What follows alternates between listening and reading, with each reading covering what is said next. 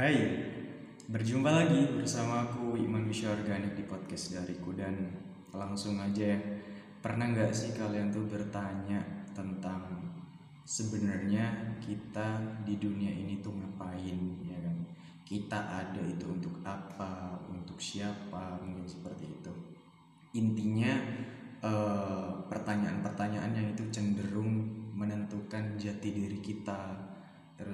eksistensi kita kan seperti itu.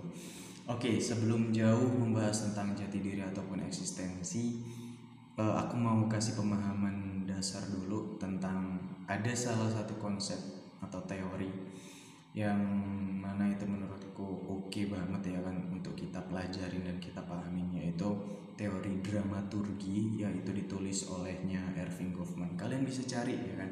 Kalian bisa cari di artikel-artikel atau mungkin kalian bisa temukan PDF-nya aku sih ada cuman ya kalian usaha dong cari ya kan? Oke.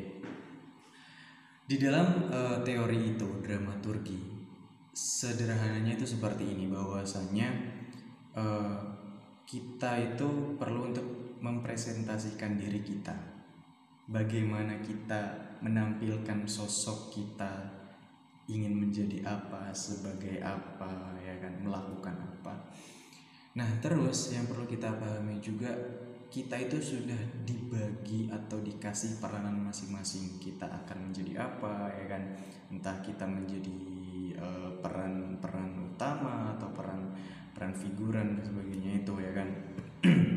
itu yang perlu kita pahami. Terus di di teori dramaturgi ini ada dua kategori. Kategori yang pertama itu adalah front stage dan kategori yang kedua adalah backstage yang mana ini uh, sudah pasti berbeda ya kan? Uh, pengertiannya seperti ini sederhananya.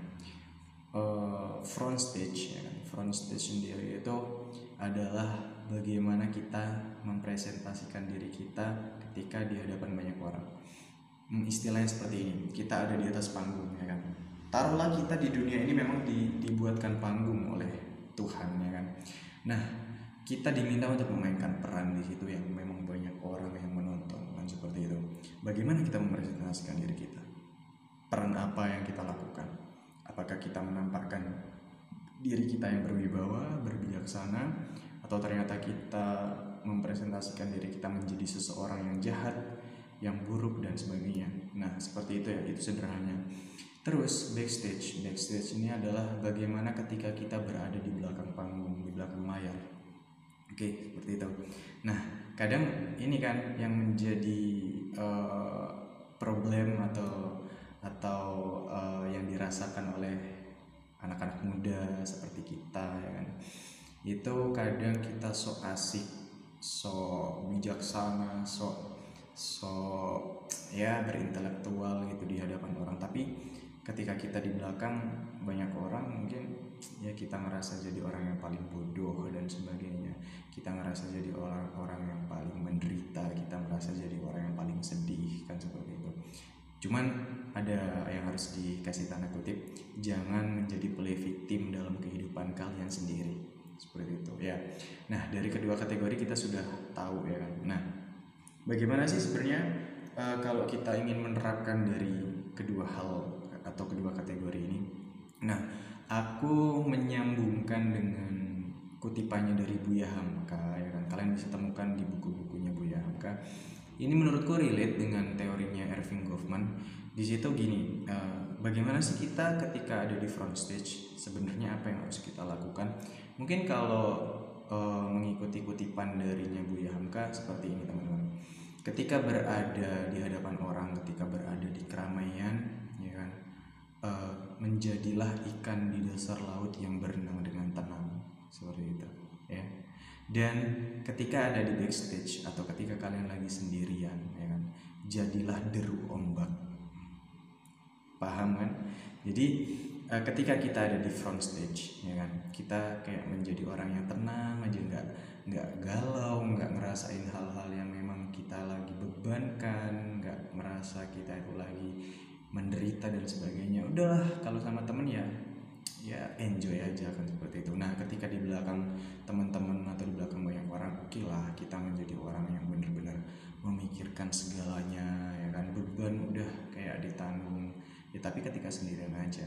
Nah tapi bukan berarti kalian harus uh, apa namanya uh, overthinking ke banyak orang bahwasanya udahlah uh, kayaknya emang aku nggak perlu cerita ke orang lain gitu. Tapi itu menurutku juga uh, ada kekeliruan di situ. Perlu kok kita untuk cerita ke orang lain tapi mungkin beberapa aja dan memang orang-orang itu adalah yang kita percaya banget gitu loh dan mereka bisa memberikan solusi. Karena kadang gini teman-teman uh, manusia itu terlalu mengunggulkan sifat keakuannya yang mana ketika ada orang lain um, bercerita atau berkeluh kesah tentang beban hidupnya uh, mereka akan bilang mungkin seperti uh, masalah kamu seperti itu nggak ada apa-apanya. Aku loh gini aku loh gitu aku loh seperti ini aku seperti itu ya, gitu gitu. Jadi mungkin mereka melupakan bahwasanya uh, setiap manusia itu punya porsi masing-masing di dalam uh, menjalani kehidupannya. Ketika orang memiliki beban pasti berbeda dengan orang yang lainnya. Dan uh, berarti juga bahwasanya penyelesaiannya sudah pasti berbeda kan seperti itu. Jadi nggak bisa dibanding bandingin antara beban yang dirasakan oleh satu orang dan satu orang lainnya. Nggak bisa dibanding bandingin keduanya atau kesemuanya itu sama-sama butuh solusi butuh didengarkan. Kan kebutuhan dasar manusia itu selain uh, apa namanya mendengarkan juga mereka perlu untuk didengarkan. Dengerin aja nggak apa-apa walaupun kita nggak bisa kasih solusi setidaknya udahlah didengerin aja karena kalau kita ngomong terus isinya adalah e, kamu tuh masalahnya nggak seberat aku percuma gitu loh nggak bakal memberikan solusi dan orang juga semakin bakal apa ya kayak nggak nyaman gitu loh. Padahal pengennya cerita pengennya didengarin nah seperti itu. Oke itu sudah kita lewati ya kan. Aku uh, berharapnya kalian paham. Nah terus kita kembali ke masalah eksistensi tadi itu apa sih sebenarnya kita lakukan? Apa yang harus kita perbuat. Oke, kita belajar dari dramaturginya Irving Goffman tadi bahwasanya ada front stage dan ada backstage. Artinya apa? Untuk uh, memvisualkan bagaimana diri kita, mempresentasikan diri kita itu tergantung bagaimana kita sendiri. Kita ingin disebut apa oleh orang lain, kita ingin dilihat dan dipandang sebagai apa di hadapan orang lain. Kita yang bisa menentukan dan kita yang bisa merasakan seperti itu. Jadi uh, pede aja gitu. Kalau kalian melakukan sesuatu hal yang baik ya kan? Baik untuk diri kalian sendiri dan orang lain tidak mengganggu mereka tidak mengusik kehidupan orang lain tidak mengganggu jiwa atau nyawa orang lain silahkan lakukan hal itu. Gitu selama itu baik untuk kalian dan orang lain seperti itu.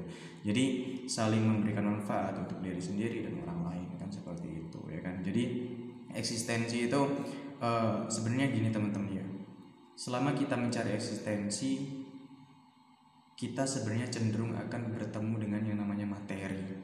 Kan seperti itu. Karena apa? Kita mencari eksistensi diri kita. Kita ini siapa? Kita manusia. Kita butuh makan kita butuh minum ya kan? Butuh bernapas dan semacamnya. Itu adalah perihal-perihal materi ya kan? Tapi akhirnya orang di situ melupakan yang namanya esensi. Bagaimana kita hidup? Apa yang harus kita lakukan? Intinya apa? Ketika kita berbicara tentang eksistensi itu adalah materi selama ini orang taunya adalah tumbuhan itu yang tumbuh ke atas. Kan seperti itu. Tumbuhan adalah yang tumbuh ke atas. Ada ranting ada daun ya kan? Ada batang kan seperti itu. Dan e, sering banget kita lupa bahwasanya ada akar di bawah tanah yang mereka juga tumbuh seperti itu. Mereka tumbuh dan mereka yang mengokohkan e, tanaman atau tumbuhan yang ada di atas tanah. Tapi kita lupa esensinya. Akar adalah esensi dan apa yang nampak di atas tanah itu adalah eksistensi kan seperti itu Nah, kalau kita berbicara eksistensi, pasti ada sangkutannya dengan esensi tadi itu. Jangan pernah lupain diri kita apa, terbuat dari apa, dan akan kembali ke mana. Seperti itu. Artinya kita harus punya pegangan di situ ya kan. Harus punya prinsip, harus punya ideologi yang memang benar-benar harus kita bawa bagaimana untuk menciptakan kehidupan kita ke depannya kan seperti itu. Dan juga teman-teman ya mengenai eksistensi itu sebenarnya kita gini aja ya mudahnya mudahnya adalah kita jalani aja apa pun yang menurut kita baik seperti yang bilang tadi. Toh uh, kalaupun ada orang yang menilai kalaupun ada orang yang menghujat udahlah bodoh amat aja gitu loh.